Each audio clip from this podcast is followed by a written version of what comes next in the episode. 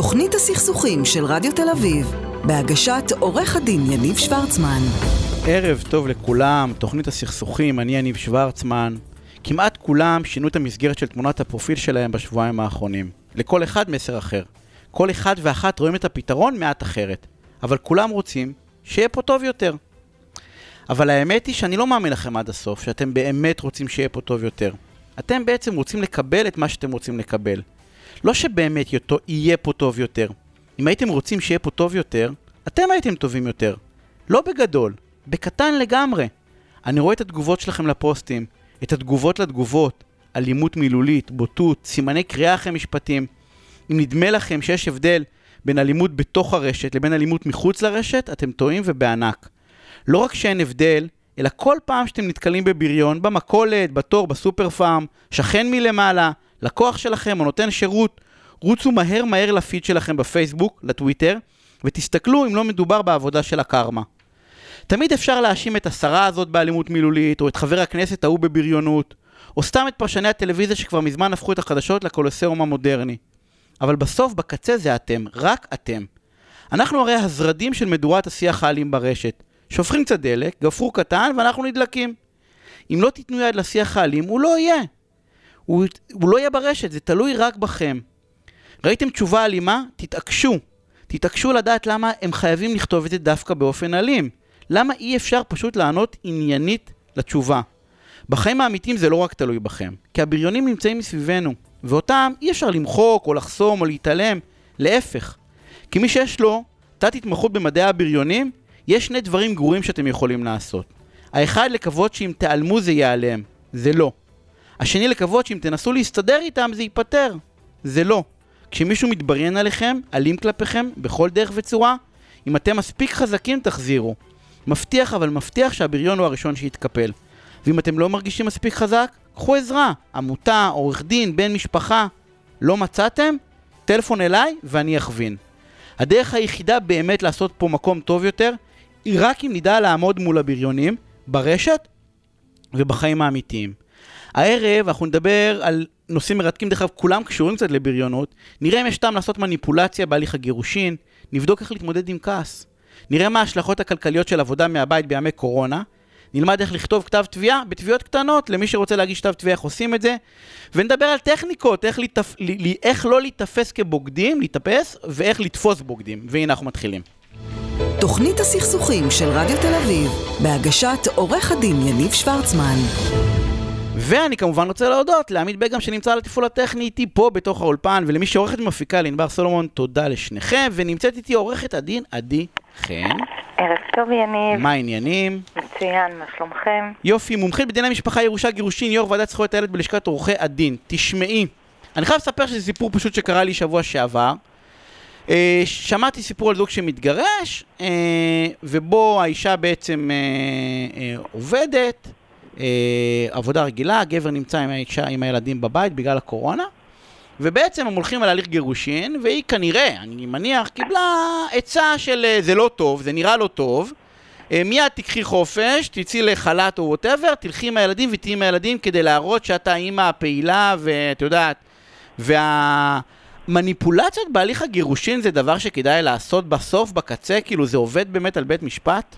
לגמרי לא. אפילו מי שנותן עצות כאלה, כדאי ממש ממש להתרחק ממנו מיד, כי אצל שופט עם, שוח... עם חושים חדים וטובים, שום תרגיל לא יעזור. ובאמת, ההמלצה החמה שלי ביותר היא להימנע מכל תרגיל, מכל מניפולציה, כי כמו שאמר אחד הבכירים במערכת המשפט, האמת היא האופציה הכי הכי טובה. כי האמת תתגלה, אם היא לא הייתה זמינה לילדים קודם, ורק עכשיו היא זמינה מתוך מניפולציה, יש ראיות, מנהלים ישיבת הוכחות, ועורך דין טוב שיודע לשאול ולנהל חקירה נגדית, הוא, הוא ידע להוציא אותה גם שקרנית. אז למה, עוש, למה עושים את זה? עדי, תקשיבי, אני, אומר באמת, תקשיבי, אנחנו שומעים סיפורים, אבל זה לא, יודעת, הצד שלישי יכול להגיד, אני מעורב, בסדר? אני מכיר הליכי, זוגות בהליכי גירושין כמגשר, ואני אומר לך, תקשיב, יש... יש עצות כאלה של, אה, אה, אני לא אגיד תלונות שווא, אבל את יודעת, של אה, אה, אה, לנסות להקליט ולהוציא לא טוב, של אה, אה, להראות שלא משתפים פעולה, יש, יש כל, כל מיני עניינים חבל. כאלה. התרגילים האלה בסוף מתהפכים על מי שיוזם אותם. אז למה ממליצים? אני שואל באמת, כי זה מה? כי, כי קל לי להתחבר לזה מהמקום של הפחד? טיפשות. מי שעורך דין מיומן ובעל ניסיון ושמבין את המטריה, הוא אף פעם לא יפיל את הלקוח שלו בדבר שקר, ולהפך, הוא ייצמד לאמת וינסה לשחק, לשחק בקלפים שיש לו. אפשר, אפשר לעשות עבודה מעולה עם האמת. לא צריך מניפולציות, זה פוגע בכל הצדדים, בעיקר בילדים. גם חשוב לי לומר, מי שעושה מניפולציות, אז בסוף מתברר שהילדים לא חשובים לו, כי, כי הילדים נפגעים מזה. הילדים נפגעים מזה לגמרי, את כן, יודעת משהו. אחד, אפרופו אותו סיפור, אמרתי, תקשיב, ההזיה בסוף, שזוג נורמטיבי סך הכל, את יודעת, עובדים, ו... ואני בא ואומר, בסוף יכניסו להם עובד סוציאלית הביתה, יעשו להם תזכיר, כל מיני דברים שבשביל מה אתה צריך את, הדברים האלה? זה לא. נעים לילדים להיחקר, זה לא נעים, אה, זה, מאוד לא נעים, זה מאוד לרעה, חבל. מה שאפשר להגיע להסכמות, יש מצב משפטי היום. יש לאבא זכויות, יש לאמא זכויות, צריך, צריך לנהוג בזה לפי הכללים אני האלה, יכול ולהבין שהילדים הם אה, לא קניין בלעדי של אף אחד מהצדדים. אני, אני יכול להיות בוטה ו- כן. ולהגיד בעצם שעורך דין שממליץ למישהו לעשות מניפולציה שאותו אדם אה, יודע שהיא לא האמת.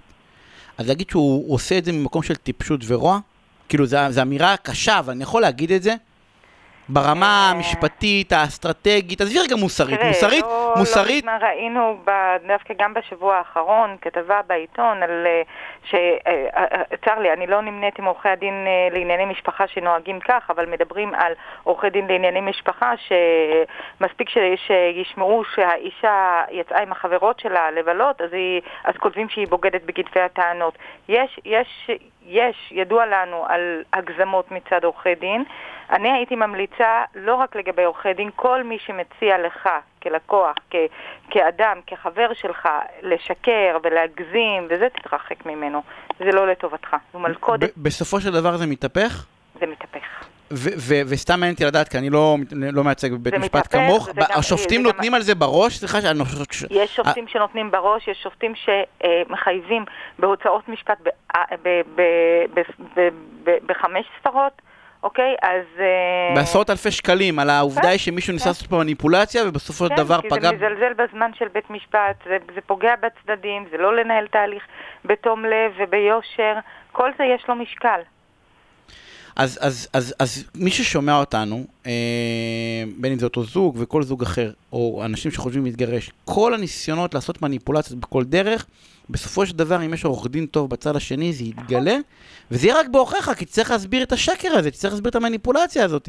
הרי אם עד עכשיו לא היית איתם בבית, אז, אז בוא, את לא, את לא תצליח לשכנע שפתאום כן היית, אוקיי? בתוך הדבר הזה. נכון, אני תמיד אומרת ללקוח שלי, או ללקוחה, אסור שיתפסו אתכם בדבר שקר אחד, רק האמת.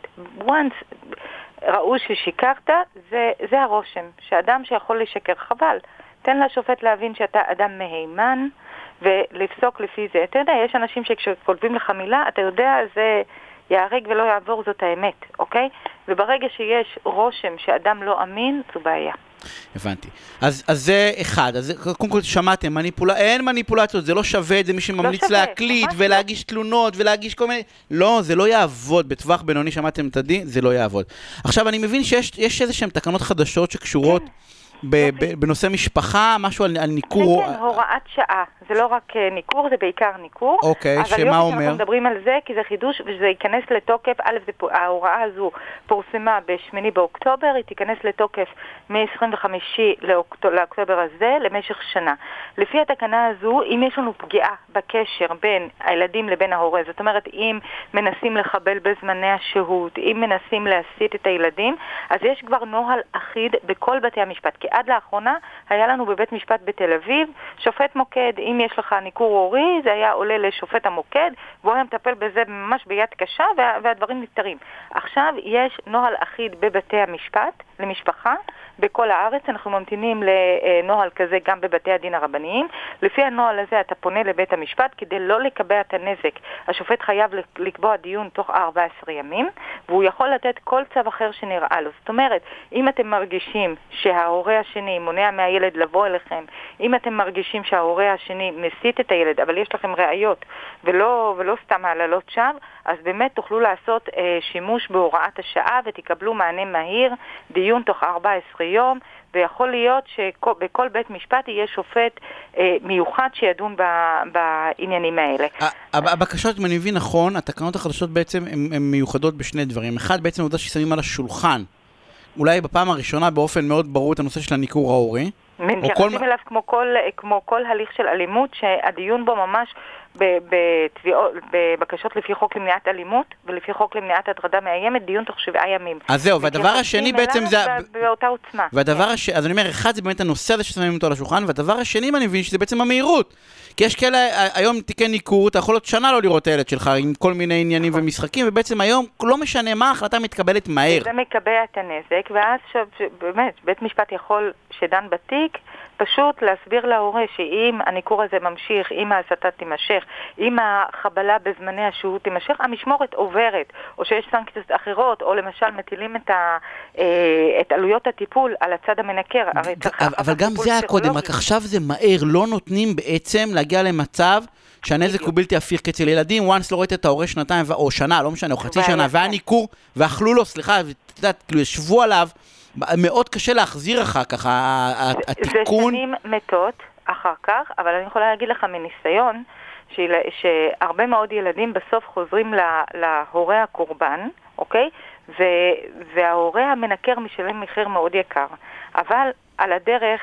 השנים היפות. גומרים את כולם, גומרים את הילדים, גומרים את ההורים, ברור לגמרי, זה נותן פתרון, ואני שמח מאוד, זאת אומרת שב-25 באוקטובר זה נכנס? כן. מהמם.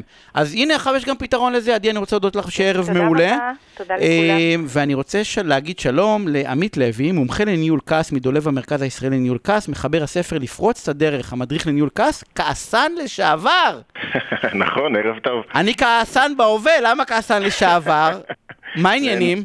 הכל בסדר, נעים מאוד.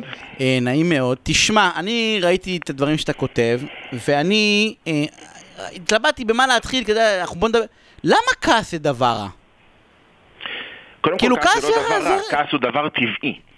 אנחנו הרבה פעמים מבלבלים בין כעס, שזה הרגש הטבעי, לבין ההתנהגות התוקפנית, שהיא באמת הדבר הרע, כמו שאתה אה, מגדיר אותו. אה, בוא נגיד ככה, אם מישהו יחנה לי בחנייה, זה מאוד טבעי שאני אכעס, נכון? אם הבן שלי יגנוב לי כסף מארנק, אה, זה יהיה אפילו לא, לא הגיוני אם אני לא אכעס. אם אשתי תבגוד בי חלילה, אה, אה, הכעס הוא רגש טבעי. ההתנהגות התוקפנית, איך אני מבטא את הכעס, זה, הדבר, זה המקום הבעייתי.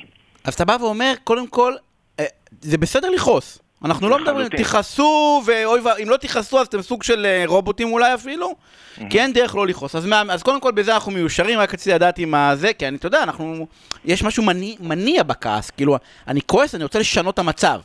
נכון אתה... מאוד, לק... לק... הצדדים החיוביים של הכעס, מעבר לזה שהוא רגש טבעי ושאנחנו לא רוצים להדחיק אותו, זה שבאמת הוא יודע לסמן גבול, נכון? הוא, אמ, הוא יודע, הוא מסמן לי שיש לי רגשות נוספים, אה, והמחקרים דרך אגב מראים שהדבר הראשוני שהוא מראה זה מתריע על אי צדק. כשיש אי צדק, כשיש משהו לא נכון בחלוקה... סובייקטיבי, אי, לא צ... אי, אי, אי צדק סובייקטיבי.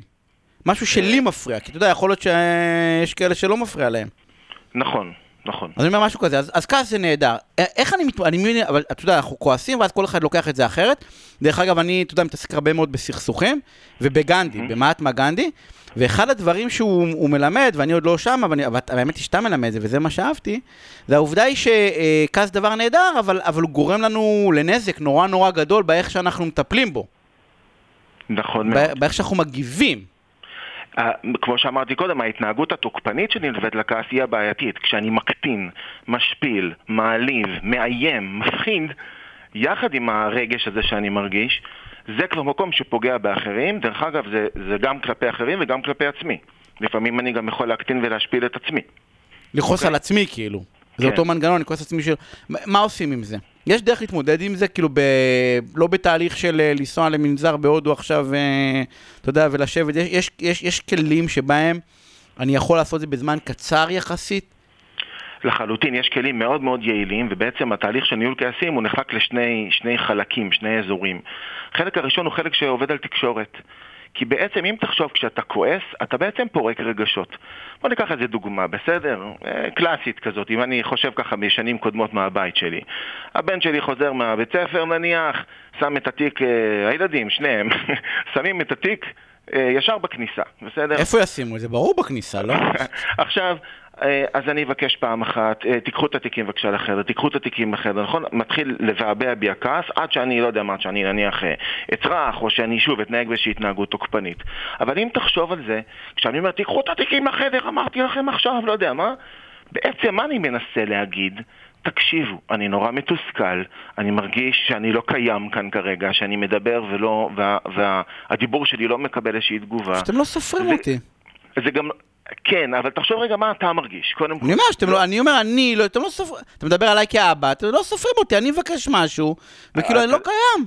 הדוגמה שאתה נותן כרגע היא מצוינת, כי בדיוק את זה אנחנו מחדדים ב- ב- בתהליך של ניהול כעסים. כי כשאתה אומר, אתם לא סופרים אותי, אתה לא מדבר עליך, אתה מדבר עליהם, מה הם עושים.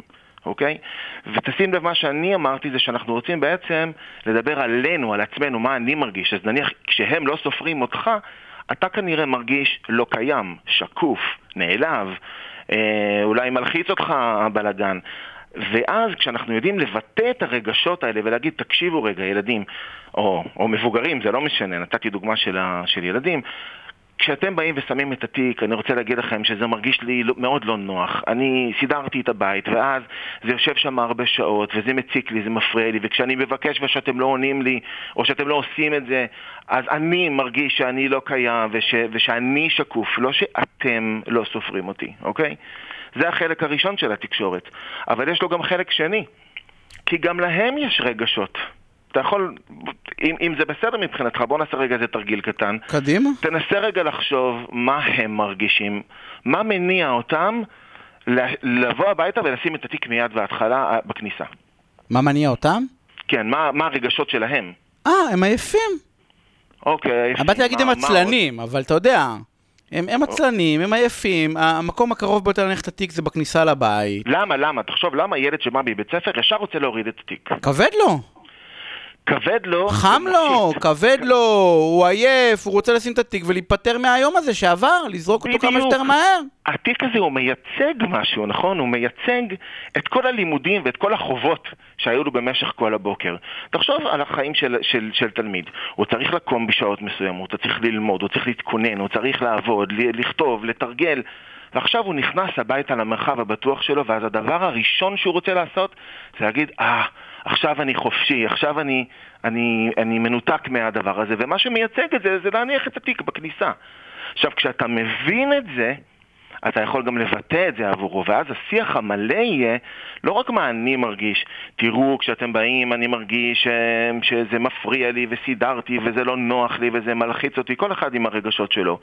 אנחנו מוסיפים גם את המילים יחד עם זאת, או עם זאת, או פשוט ו, לחבר. ואני מבין גם אתכם, תראו, אני מבין שאתם באים מהבית ספר, אחרי יום של שעמוס בחובות ובמטלות, והדבר הראשון שאתם רוצים זה פשוט לפרוק את זה כאן, אוקיי? וזה בסיס ל, ל, אה. למציאה של פתרונות חדשים שלא היו שם קודם. כי אם תחשוב קודם, למה אני מעלה את הכעס עד כדי רמה של התנהגות תוקפנית? כי אני רוצה ש, ש, שהדבר הזה יקרה, שהם ייקחו כבר את, ה, את התיק לחדר, וכשאני אצעק, הם באמת יעשו את זה. הרבה פעמים, צריך להודות על האמת, התוקפנות עובדת. מה זה הרבה פעמים? עובדת נקודה, לטווח קצר, אבל עובדת. אה, אה, אה, הוספת את זה מצוין, שאמרת לטווח קצר, כי בטווח הארוך מה שקורה זה שאני, א', פגעתי באחרים, הקטנתי, השפלתי, העלבתי אותם. תשים לב, אפילו בניתוח הקצר שעשינו, שמת לב מה אמרת? הם באים כי הם עצלנים. אוקיי? הם, הם לא עושים את זה כי הם עצלנים. עכשיו, אם אני אבוא ואגיד להם, אתם פשוט עצלנים, אתם לא סופרים אותי, אז באיזשהו מקום אני פוגע בהם, נכון? אני, אני מדבר בצורה שהיא תוקפנית. ואם אני אומר, שוב, אם, אם, אם ככה נסכם, תראו, אני מבין שכשאתם חוזרים מבית הספר, זה לא, לא, אתם רוצים ישר לפרוק את כל העול, ומה שמייצג את זה זה התיק, ובא לכם קודם כל רגע לנוח, אני מבין את זה. יחד עם זאת, כש... אני מסדר את הבית בבוקר, ואז כשאני רואה את התיק זה נורא מפריע לי, זה מלחיץ אותי, אז בואו נדבר על זה. וזה בסיס למציאה של פתרונות. אבל, אבל, אבל יש, לי, יש לי שאלה, בסדר? כן. אני, קודם כל, זה, זה מהמם, רק זה נורא למתקדמים. אתה יודע שאנחנו עצבניים, בסדר? כאילו, זו עבודה נורא קשה. שאנחנו עצבניים, כאילו, אנחנו, אנחנו רוצים לתת בראש. אתה שואל. את השאלה שכולם שואלים בתחילת הסדנאות. אומרים לי ככה, תגיד... קודם אני... כל זה טוב, זה אומר שאני לא, אתה יודע, שבבסיס אנחנו דומים כולנו. אומרים לי ככה, אתה משוגע? אתה רוצה שאת כל מה שעכשיו דיברת, את כל הכלים שכרגע אה, הסברת, ואתה רוצה שאני אפעיל אותם בשבריר שנייה שיורד לי המסך ואני כבר לא מעניין אותי כלום? איך אני יכול להשתלט על זה? והתשובה היא על ידי אימון. אנחנו פשוט צריכים ללמוד את השפה הזאת, קודם כל, בדיעבד. אחרי, נניח שכבר צעקתי על הילדים, בסדר? יאללה, נו, זה כבר קרה. עכשיו אני יכול לבוא אחרי חמש דקות, אחרי חמש שעות, אחרי חמישה ימים, זה לא משנה. אבל אני יכול לבוא ולהגיד, תקשיבו רגע, אני רוצה לדבר איתכם על מה שהיה היום בצהריים כשחזרתם, או אתמול, לא משנה, אוקיי? ולעשות את אותו השיח. ומה שיפה כאן זה שהמוח שלנו הוא, הוא איבר גמיש, הוא לומד. וככל שאני מתרגל את זה, ככל שאני אעשה את זה בהתחלה בדיעבד, אחרי האירוע התוקפני, אני אתרגל את צורת השיח הזאת, ככה זה יקבל שורשים בתוך המוח שלי עד שיגיע רגע קסום, ממש כזה, שברגע שיקרה אירוע מכעיס, אני גם אדע להפעיל את הכלים את, אתה אומר בעצם, אונליין, באותו אומר, הרגע. אתה אומר בעצם את הדבר המדהים, אני לא מצפה מאף אחד שברגע שיורד לו המסך, כמו שאמרת, ואתה יודע, עולה לו הג'ננה, עולה יורד, שבאותו כן. הרגע יעשה את הפעולה הזאת שהוא רק מתחיל. כי הוא לא יכול, בוא, שורה תחתונה, אבל מה שהוא כן יכול לעשות, זה בדיעבד שהוא כבר רגוע. ופעם אחת נכון תעשה את זה, פעם שנייה תעשה את זה, פעם שלישית תעשה את זה, בפעם החמישים שתעשה את זה, בדיעבד, ברוגע, בנחת, כי זה חשוב לך, בסדר? בפעם החמישים שתעשה את זה, זה כבר יבוא לך כמעט, לא יודע באוטומטי, אבל תגיד, אה, אולי אני כבר אעשה את זה בו זמנית, הנה המסע, אני קולט, קולט שזה עולה או יורד, אני קולט את הזה, אבל, אבל, אבל זה עבד בפעם, בפעמים האחרונות. אז מותר, מותר לא לכעוס על עצמך שאתה לא מצליח, כאילו, אני חושב שזה אחד הדברים. מותר, מותר אה, אה, לסלוח לעצמך, בסדר? נכון מאוד. יש שם מעגל שלם, אחר כך של אשמה וחרטה. כן, ואנחנו, בדיוק. אז מותר, ממוקדים. מותר לסלוח בדבר הזה, ובלבד שאתה עושה את זה בדיעבד. נכון. אנחנו הרבה פעמים ממוקדים בתוצאות. ובהתחלה, אה, התפרצתי או לא התפרצתי? כעסתי, לא כעסתי? הייתי תוקפני, הייתי אה, או, או לא? אה, ו- וכמה שזה יישמע מוזר בתהליך של ניהול כעסים, זה ממש לא משנה, זה לא מעניין. ברור שאנשים שמגיעים לתהליך לניהול כעסים, הם מגיעים כשהם מתפרצים, אז זה לא ייפסק ביום אחד. אוקיי? אבל זה גם לא ייפסק אה, בשנתיים. הם סך הכל צריכים לרכוש את הכלים ואת המיומנות הזאת, שבדרך כלל, את הצורת תקשורת הזאת, הם לא למדו בבתים שהם וזה גדלו. וזה ממש בסדר לעשות את זה בדיעבד. אני חושב שזה כאילו חלק מה, מה, מהניתוח הזה, שזה ממש בסדר לעשות את זה בדיעבד, וגם אם פישלת, וכמה פעמים, זה ממש לא נורא. נכון, נכון מאוד. אה, ואם תסתכל על זה, אם באת בדיעבד ושוחחת עם הילדים, אז האם באמת פישלת? האם זה באמת כישלון? או שעשית משהו מאוד אה, משמעותי וחדש מול הילדים שלך, שאגב, אתה בצורה הזאת גם משרה עליהם צורת שיח חדשה. שוב, אנחנו נצמדים לדוגמה של הילדים, אבל זה עם... זה יכול להיות עם כולם. עמית, אני עם... רוצה להודות לך, סליחה, אנחנו פשוט צריכים לסיים. אה, אבל לכו תקראו, יש, תקראו, מי, ש, מי שכועס, יש פתרונות לזה, אה, ומהממים. עמית, תודה רבה, שיהיה ערב מעולה. אני, אני יכול עוד מילה קטנה? משפט, בוודאי. לניהול כעסים יש עוד צעד נוסף חוץ מתקשורת, וזה עבודה על אוטומטים, זאת עבודה עמוקה יותר, אם תרצה נדבר על זה בריאיון אחר. על מנטרות. אה, נכון, ומי שרוצה לדעת אם יש לו בעיה עם כעסים, יכול להיכנס לאתר של דולב, דולב המרכז הישראלי לניהול כעס, או לרשום בגוגל לנצח את הכעס, אה, ולמלא שם שאלון מבוסס מחקר מדעי, אה, ולבדוק קודם כל האם יש לו עניין עם כעסים. ולא יכולת להתקשר אליי בעיתוי הרבה יותר... כי הספר שלך יוצא עוד שבועיים. אמ, אבל שייכנסו ויקראו, עמית, אתה מספר הכל עכשיו, מה נשאיר אחר כך? עמית, תודה רבה, שערב מעולה. אנחנו יוצאים לפרסומות וכך חוזרים. תוכנית הסכסוכים של רדיו תל אביב, בהגשת עורך הדין יניב שוורצמן. פרסומות וחוזרים. תוכנית הסכסוכים של רדיו תל אביב, בהגשת עורך הדין יניב שוורצמן. ולנושא הבא נמצא איתי עורך דין אלי שמילביץ, מנהל מחלקת ליטיגציה ושותף במשרד בורחובסקי ושות'. אהלן אלי, מה העניינים? על עניינים. למי שלא יודע מה זה ליטיגציה, כי זה כאילו, זה, אתה בעצם מופיע, אתה מייצג אנשים בבתי משפט. כאילו זה, זה עולם, ה, זה, זה המקצוע שלך. נכון, זה הדבר היחיד שאני יודע לעשות. ל... לא אני מניח שאתה יודע עוד דברים בתחום, לא, בתחום המשפט. עכשיו, למה אני אומר את זה ולמה זה נורא חשוב? כי, תשמע, יש הרבה מאוד אנשים, יש לדעתי מעל 40 אלף אה, אה, תביעות שמגיעות כל שנה לבית משפט לתביעות קטנות. הרבה מאוד אנשים מגישים תביעות, בעיקר, אתה יודע, בתחום הצרכנות, בתחום נותני השירות, חברות סלולר, כל מיני כאלה. ובעצם בבית משפט תביעות קטנות, שאם אני זוכר נכון זה עד 30 אלף שקל או 30 ומשהו אלף שקל, אה, אתה לא יכול להיות מיוצג. אי אפשר ללכת לעורך דין ולבקש ייצוג, אתה חייב לייצג את עצמך. ובעצם אתה צריך לשבת ולכתוב כתב תביעה. ומכיוון שזה מה שאתה עושה הכי טוב שיש בעולם, אז איך כותבים כתב תביעה? איך אני כאדם פשוט, שרוצה לתבוע את החברת ריהוט, חברת מטבחים שהכינה לי את המטבח, או את הליסינג שעשה מה שעשה, או איך, איך בעצם ניגשים לכתוב כתב תביעה? מה, מה צריך להיות בפנים? קודם כל צריך לזכור כל הזמן שאתם פונים לשופט, לבית משפט. כל הזמן לשוות לנגד עיניכם את אותו בן אדם שלא מכיר את המקרה, לא מכיר אתכם, ושאתם כותבים לעיניו ועל הראש שלו. לכן צריך לכתוב בצורה פשוטה, ברורה, תמציתית, להציג קודם כל את העובדות, אה, אחר כך להציג את הנזקים שנגרמו לכם, ולחשוב טוב טוב האם צריך להזכיר כל פלפול וכל, וכל רגש הכי דק שאתם חוויתם כי סבלתם את הדברים על בשרכם. המטרה היא לפנות לבית המשפט ולשכנע את השופט בצורה פשוטה לעזור לכם. אני עכשיו רוצה לדעת כמה דברים. אחד, אמרת, בהתחלה אתה כותב לשופט, זה חשוב, כי אתה בעצם לא כותב לצד השני, נכון? אין לך מה נכון. לשכנע את הצד השני שאתה צודק. כאילו, צריך, לא. צריך להתמקד באותו אדם שאתה צריך לשכנע אותו בעצם. בדיוק. יש, יש טעם, האמת שאני רואה את זה גם אצל עורכי דין, אבל, אבל יש טעם להשמיץ את הצד השני? להקטין אותו, לה, אתה יודע, יש לפעמים אתה קורא כתב תביעה אפילו של עורכי דין, אבל גם שם יש איזו נטייה, כמו שאמרת, לתת לרגש כאילו להשתלט עליך. השופטים מתרשמים מזה? אה, רק אם הדבר נעשה בטוב טעם ובמידה. לא להגזים, אה, אולי ב understatement, אה, לא, לא לעשות את זה too much. לא לעשות את זה too much, זה לעשות את זה כמה, ש... כמה שפחות רגשני? אה, הרגש לפעמים יכול אה, להועיל, צבע לפעמים עוזר, אבל לא להתבלבל בין אה, הצבע לבין העובדות והמהות. לא, לא, לא להתבלבל במינונים. לתת קודם כל לעובדות ולמהות להוביל, והצבע והרגשות יכולים לטבל מדי פעם, במידה ובטעם טוב. כי, כי, כי בעצם, ה, אם אני מבין נכון, כי אם זה צבוע מדי, זה יראה כמו אכלו לי, שתו לי? אה, כן, זה ייראה לשופט אה, כלא אובייקטיבי, כמאוד אה, מגמתי.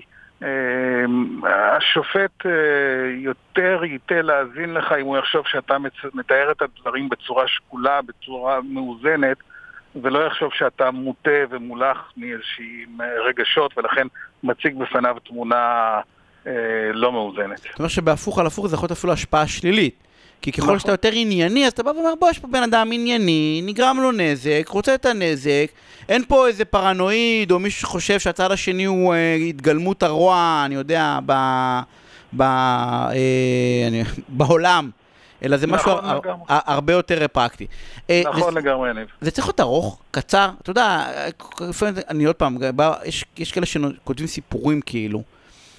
יותר, יותר זה גם יותר טוב כאילו, כי אני אחזור חזרתיות חמש ושש פעמים, כאילו השופט דע כמו, כמו טיעון אה, זה, אם אני אחזור שלוש פעמים על הטיעון, הוא ישתכ... השופט ישתכנע יותר, יתרגז יותר. תשומת לב של השופט היא משאב מוגבל. שוב אני אחזור על המשפט הזה, תשומת הלב של השופט היא משאב מוגבל. הוא נגמר כעבור זמן קצר, כעבור שורות לא ארוכות מדי. לכן כל עוד uh, יש את תשומת הלב, שזה בעמודים הראשונים, בשורות הראשונות, צריך להיות ממוקד, קצר, תמציתי, כדי להגיע ללב ולראש של השופט. ככל שתאריכו ותיכנסו לפינות ותספרו ות, כל, כל נקודה וכל פסיק, זה אתם תבזבזו פשוט את המשאב הזה, שנקרא תשומת הלב של השופט, הוא יבוזבז לריק, ואתם לא תצליחו להטמיע את הטיעון המרכזי שלכם. אז בעצם לא רק שהוא לא, לא כדאי שהוא יהיה חופר, סליחה שאני אומר את זה, או ארוך מדי, אלא אתה אומר גם להקפיד שבשתיים שלוש פסקאות הראשונות, שהשופט גם ככה, תביעות קטנות הרי, אתה יודע, זה קורא לזה קצבייה. זה כאילו הם באים בכ... בכמויות, אתה בא ואומר, תתמקדו במה שיש לכם להגיד בהתחלה בצורה פשוטה. אם הטיעון יהיה בהתחלה בצורה פשוטה, אז יהיה... יהיה טוב. בדיוק יהיה יותר כך, טוב. בדיוק כך. אה, מבחינת ראיות, לצרף הכל, הקלטות, כאילו איך, אה, אתה יודע, יש אה, כללים בסיסיים כאילו? כן, צריך uh, לצרף את הראיות, צריך לצרף את המסמכים. בהליך בבית משפט הדברים מתנהלים טיפה אחרת. בבית משפט לתביעות קטנות צריך לצרף את כל הראיות. Uh, צריך לדעתי הכל, ש... הכל, אה, אה, בבת, הכל ביחד, נכון? כאילו אין... אה, יש, יש תקנות שאפשר למצוא אותן באינטרנט, תקנות של בית המשפט לתביעות קטנות, אפשר גם למצוא תקדימים, צריך לעשות קצת חיפוש, כמו כל דבר צריך לעשות הכנה גם לזה. חשוב גם לדעת מי השופט שהולכים, שהולכים לטעון בפניו, כדאי לקרוא קצת פסקי דין שלו במקרים דומים. אה, צריך לעשות הכנה. אז הנה, אז, אז עוד משהו שאתה בא ואומר, אה, אתה, ברגע שאתה יודע, לא, אבל אתה יודע, אתה יודע שאתה השופט, אתה יודע את השופט רק לדעתי, אתה בא, בא, בא ואומר לצורך העניין, להיכנס לגוגל, יש מאגרים פשוטים, נכון שזה לא מאגרים, אה, אני אקרא לזה, לא צריך להתחיל בסיפורים דומים, כי בעצם אפשר מזה אה, לגזור, אה, אה, אני אקרא לזה את, ה, את ההלכה, בסדר? את מה שנהוג באותו, באותו סיפור. דרך אגב, סתם אני אספר שפעם אחת הייתי בתביעות קטנות, פעמיים, פעם אחת בזה, ועל uh, ספאם. עכשיו, מי שקורא את זה למשל, כמה נותנים על ספאם? הרי נותנים אלף שקל. עכשיו, זה בתיאוריה אלף שקל, כי יש שופטים שיש להם uh, ממש, uh, אתה יודע, אתה, כאילו, חבל להגיע לשם. 250 שקל. היא אומרת לצדדים, אתם יודעים, זה, זה התקציב, אם הייתם קוראים את הפסקת דין שלי לפני, לא הייתם מגיעים בכלל, אתם יודעים שאני על כל uh, פרסום נותנת 250 שקל והייתם הולכים ללכת הביתה ולא להגיע בעצם uh, uh, בכלל uh, היום. נכון. אני אשאל ככה בזה, כתב תביעה, לדעתך זה משהו שבן אדם מסוגל לעשות לבד או שווה שעורך דין, אני, אני יודע שכאילו עורכי דין עושים את זה, אבל בתחושה שלך, בהיכרות שלך, אפילו עם הלקוחות שלך, שהם לקוחות בדרך כלל אפילו מתוחכמים יותר, אה, כי חברות, ו... זה, זה משהו שבן אדם צריך לעשות לבד, או ששווה להשקיע כמה מאות שקלים וללכת לעורך דין? תמיד שווה להתייעץ עם uh, מומחה. זה כלל פשוט ונכון, אם יש לך את האפשרות, אם יש לך את הזמן ואת האמצעים, תמיד שווה להתייעץ עם מומחה, אבל בינינו היום, מכמות עורכי הדין, אני לא מאמין שיש מישהו במדינת ישראל שאין לו איזה קשר חברי או משפחתי לעורך דין. אז אני לא חושב שזה איזה מאמץ גדול. אז אתה בא ואומר, לא משנה מה, גם עם כל מה שאנחנו יודעים, בסוף תנו את זה בכמה מאות שקלים, וזה יגדיל לכם uh, באופן משמעותי את התביעה. אלי, אני רוצה להודות לך על השיחה הזאתי. ושיהיה ערב מעולה, ונמצא איתי רואה החשבון שלומי כהן ממשרד כהן ראיית חשבון ומייסד שותף במשרד אביבי, הנהלת חשבונות. אהלן, שלומי, מה העניינים? היי יניב, מה שלומך? נהדר, מה קורה? מצוין. יופי. תשמע... הקורונה עוברת עלינו לטובה. כן, לטובה מאוד, ואנחנו לא רואים, לצערי, את ה... לא רואים את הסוף. אבל בגלל שאנחנו לא רואים את הסוף, אני רוצה לשאול אותך שאלה כזאת. הרבה מאוד עסקים מעבירים עכשיו את העבודה, את העובדים שלהם לעבוד מהבית. כי אתה יודע, כמה אפשר, פעם אחת עליך, פעם שנייה, באיזשהו שלב אתה מתחיל, אה, אני יודע על חברות ענק, דרך אגב, ששלחו את העובדים כבר במרץ הביתה. שלחו אבל... הביתה זה לשבת לא, בבית. לא, לא, לעבוד, לעבוד בבית. שלחו לעב... הביתה כדי לחסוך בעלויות. נכון, אז בוא, בוא, בוא נדבר על זה רגע ברמה החשבונאית, פינה... יש משמע, כאילו, עסק שכולו מתרכז במקום אחד, ועסק שכולו מפוזר בכל הבתים, מה המשמעות של הדבר הזה? אמ, קודם כל, לדעתי אף אחד לא ממהר אה, להעביר הביתה אנשים. זה פחות נוח אה, ברמה הלוגיסטית. אה, בעיקר, החלק, הכי עיקרי לדעתי, כן? אני מדבר פה ברמה האישית שלי, כי זה, יש המון דעות בתחום. אבל בנושא של לעבוד מהבית או לעבוד ממשרד, ממשרד, אה, לדעתי יש מחקרים חד משמעית שעובדים עובדים יותר.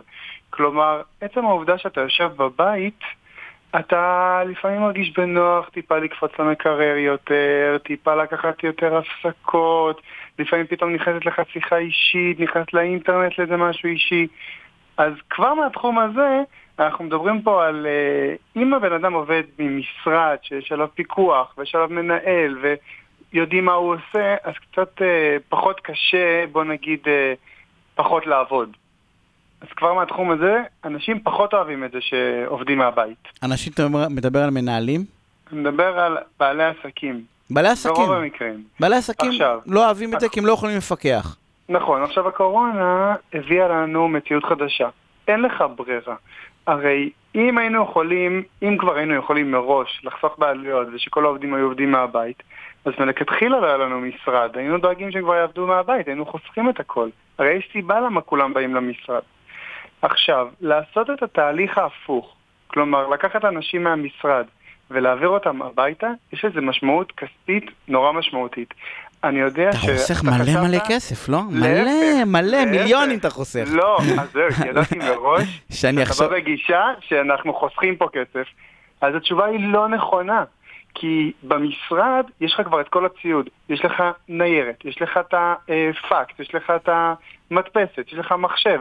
אז פתאום אם אתה מעביר את העובד לבית והוא צריך לשלוח פקס, אז היי, יש לי עוד הוצאה, אני צריך לעשות לו fax to mail, או mail to fax. אולי אני צריך לשלם עליו ביטוח על זה שהוא עובד מהבית. פתאום יש עוד הוצאות, מעבר לזה שאתה צריך לקנות מחשבים ולקנות מצלמות. זה אם אתה בעל עסק נשמה, כי רוב הבעלי עסק אומרים לך תסתדר. אה, זה לא נכון, אתה לא יכול להגיד לעובד שלך לך תסתדר. אז הוא יגיד לך אין לי מחשב. מה, מה זה לך תסתדר? אבל אין לי מצלמה. אני איתך, אבל אני בא ואומר, מחשב. אין לי מדונה. אבל יש לי בכל, במחשב יש לי גם במשרד, ומדונה יש לי במשרד. אני אומר לו, הנה, קח ארגז, קח את זה הביתה. חוסך נכון, ארנונה, לא. חוסך חשמל, חוסך אה, מלא כסף, ארוחות צהריים. זה לא מלא כסף, אתה לא חוסך מלא כסף. אגב, לעניין של תן-ביס, החברות הגדולות השאירו את זה לעובדים. כלומר, יש פה סוגיה חדשה שהעובדים לא יכולים לממש את התן-ביס. אז הם, הם פדו להם את זה בסופר, בסופרמרקט. הם הולכים לכלבו כלשהו ופודים את זה כהוצאות של בית, של אוכל.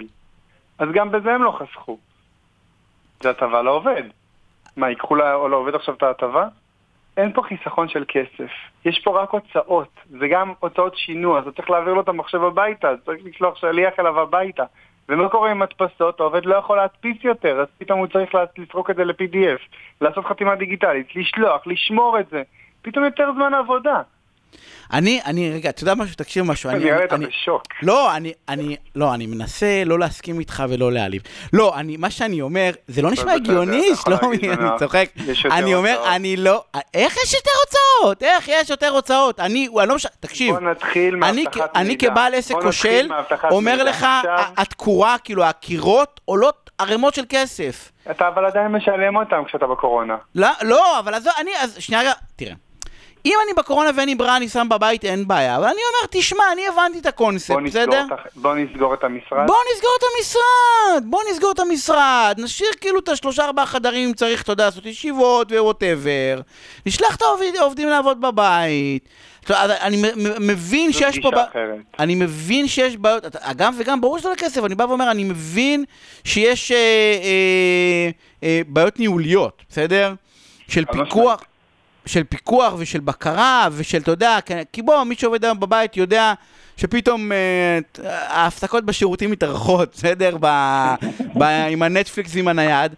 אבל אה, אתה יודע, ברור, אבל כאילו בסוף זה חוסך לדעתי אתה... המון המון כסף. אני בטוח שאם אתה תיקח שתי ארגונים גדולים ותעשה עליהם מחקר מדוקדק, שאחד מהם עובדים עובדים מהבית והשני עובדים באים למשרד, והמשרד יותר קטן בגלל שהם עובדים מהבית, ואתה תגלה שההוצאות בסך הכל, גם העקיפות וגם הישירות, אה, מי שעובדים מהבית מפסיד. כולל, כאילו, אתה מדבר על עקיפות, אתה מדבר כאילו על, תקופ, על אה, תפוקה כאילו של עובד, כאילו, במוב... נכון, ב, כולל אומר, תפוקה של עובד, נכון. אם אתה מכ... אם, אם אתה, אז אתה בא ואומר שבעצם אין דרך להעסיק עובד, אין דרך לסמוך על עובד, ב...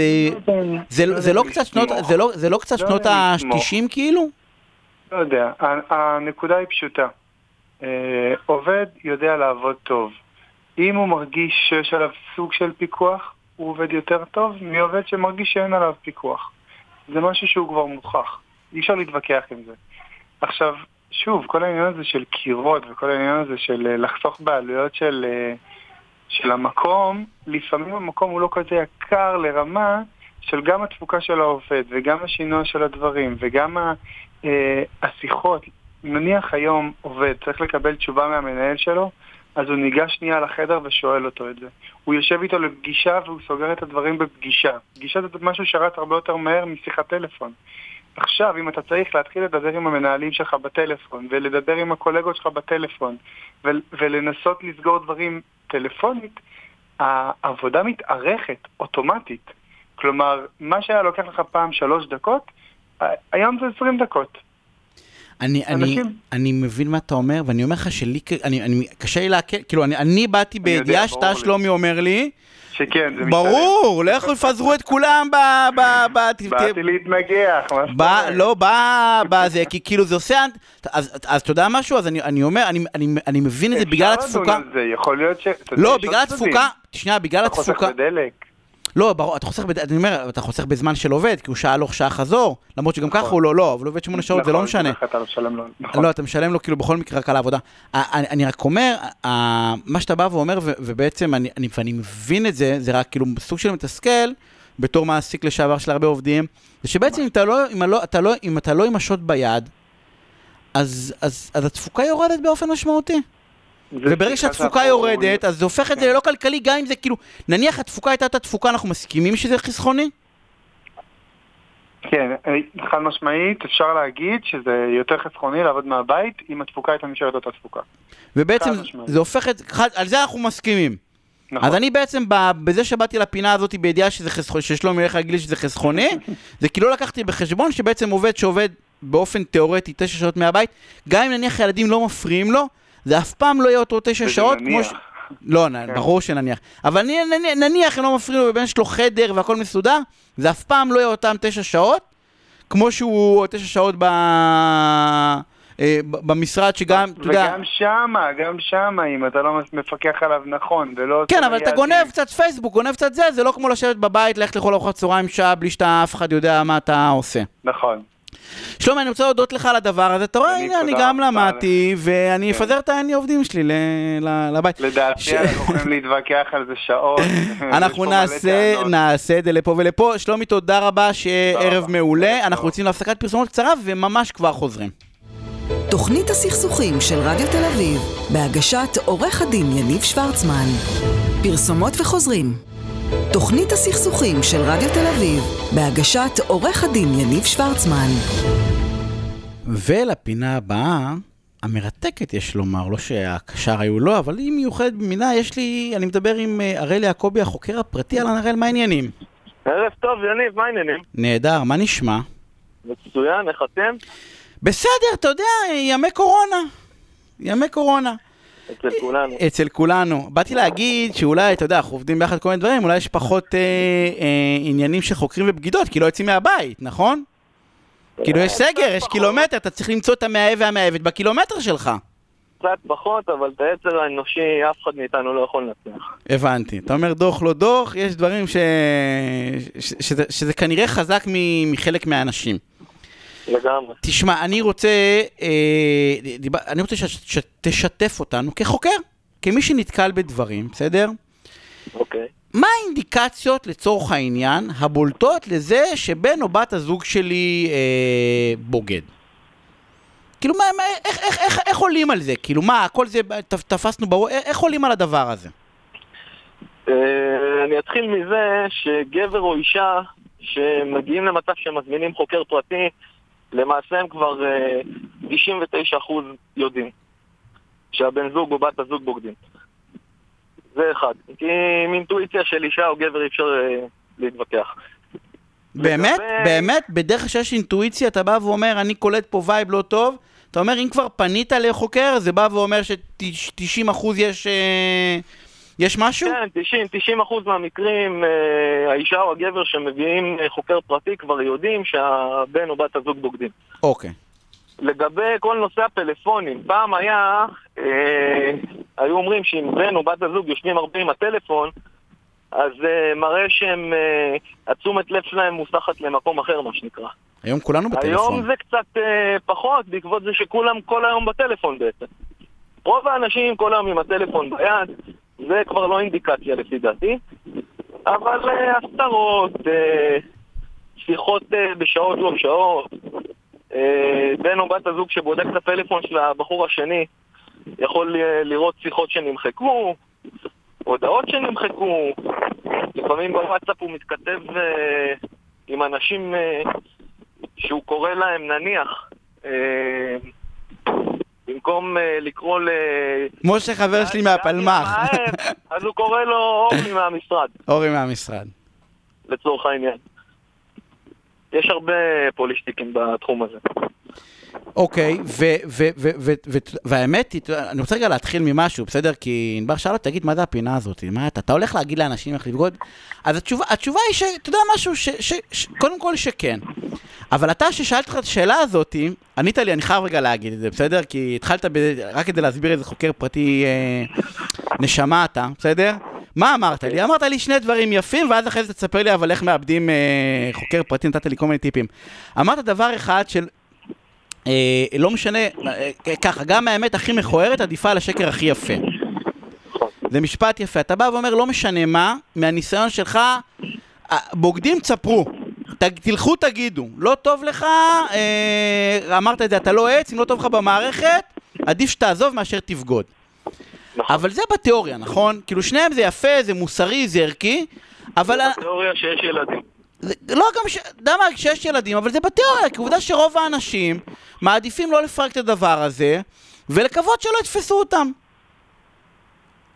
אולי פעם, אם אתה שואל אותי. מה זאת אומרת? למה אולי פעם? אולי בתקופה עובדה שאנשים ממשיכים לבגוד אבל, הראל. או, אתה יודע, פעם אם ילדה הייתה באה ואומרת להורים שלה, אמא, אני לסבית, ההורים היו מחפשים לקבור את עצמם.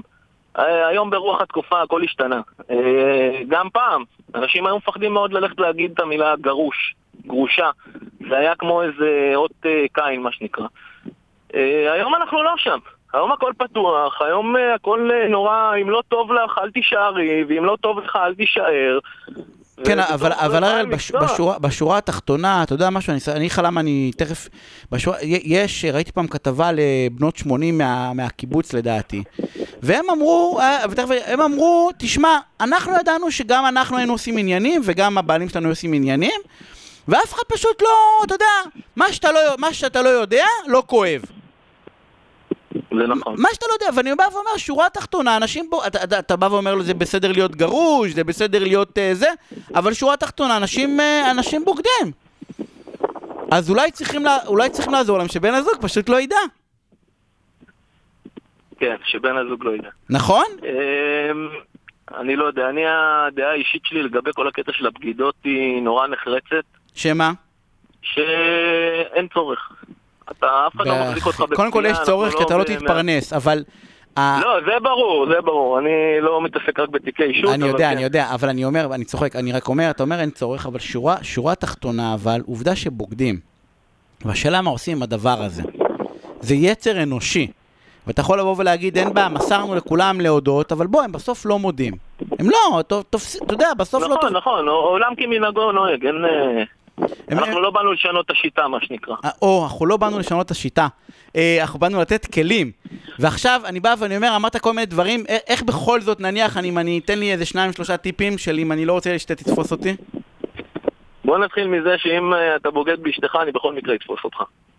זה, זה, אני מתחיל בזה. שתיים, אה, לגבי... שזה מדהים דרך אגב, אתה אומר לא משנה מה תעשה, once חוקר לא נכנס זה גמור. לא משנה, גם עם העצות שאני נותן לך עכשיו. זה גמור. גם עם העצות שאני אתן לך עכשיו, אם אה, אשתך שמה עליך חוקר פרטי, במידה והחוקר הוא טוב, הוא יביא אותך. אוקיי, אז אתה בא ואומר לא משנה מה, אחר אנחנו רק משחקים בנדמה לי. כן. יאללה, בנדמה לי. נדמה לי. אה, כיכרות ברחוב. אחד הדרכים הטובים לשרוף עיכוב זה לעשות את אותה כיכר פעמיים בעצם. ואתה רואה מי, מי ממשיך איתך בכיכר, מי עושה איתך את הסיבוב. אתה בא ואומר באופן כללי, אם אני חושב שהשב"כ אה, אחריי, כי על המסכה אני מדבר, חס ושלום כן, לא, כן. על המסכה, השב"כ זה, תעשה פעמיים כיכר ואתה רואה עם אותו רכב עליך. כן, זה אחד.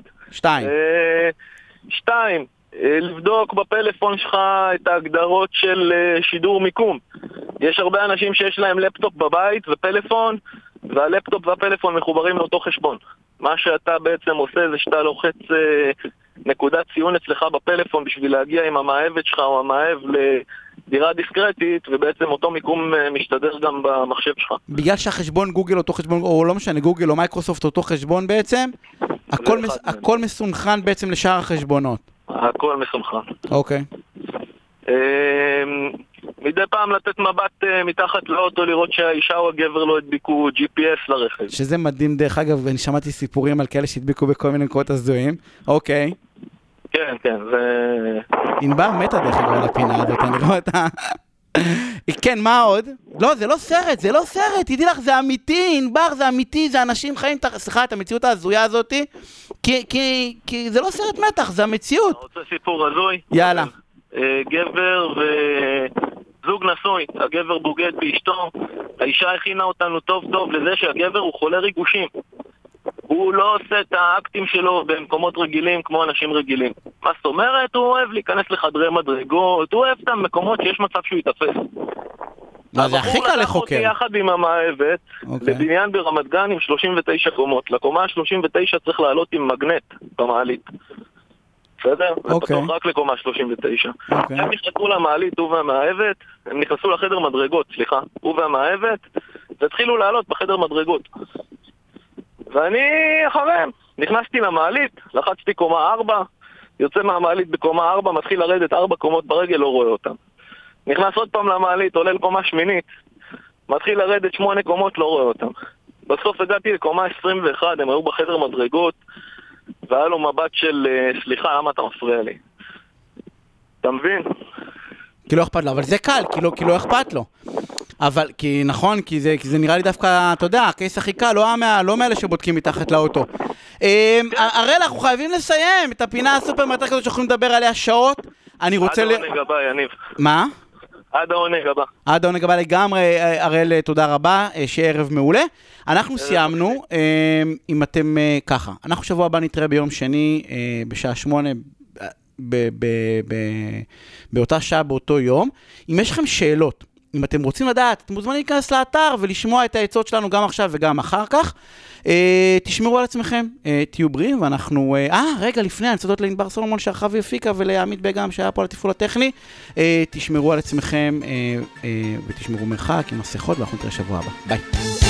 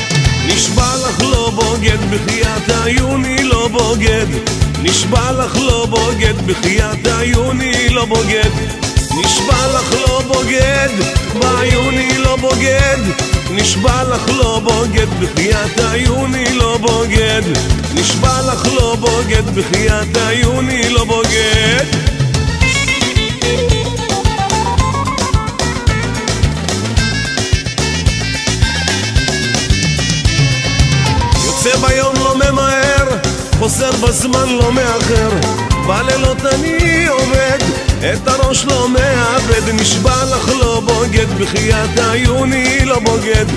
נשבע לך לא בוגד בחייאת עיוני לא בוגד.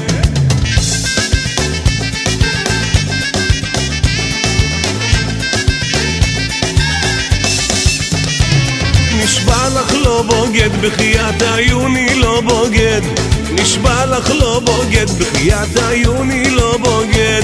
נשבע לך לא בוגד, בעיוני לא בוגד. נשבע לך לא בוגד, בחייאת עיוני לא בוגד. נשבע לך לא בוגד, בחייאת עיוני לא בוגד. יורד לבר לשתות כוסית, ימינה שמאלה לא מביט. מסביב כבר עמולה פתאום מרגיש בתהילה נשבע לך לא בוגד בחייאת עיוני לא בוגד. נשבע לך לא בוגד, בחיית עיוני לא בוגד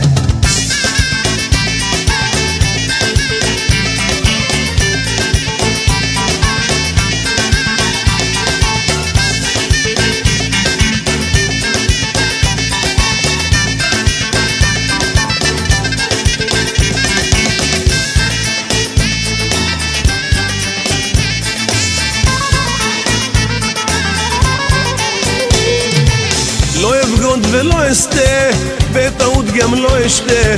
כולם כולם בי מקנאים, ועליי הם מרכלים. נשבע לך לא בוגד, בעיוני לא בוגד.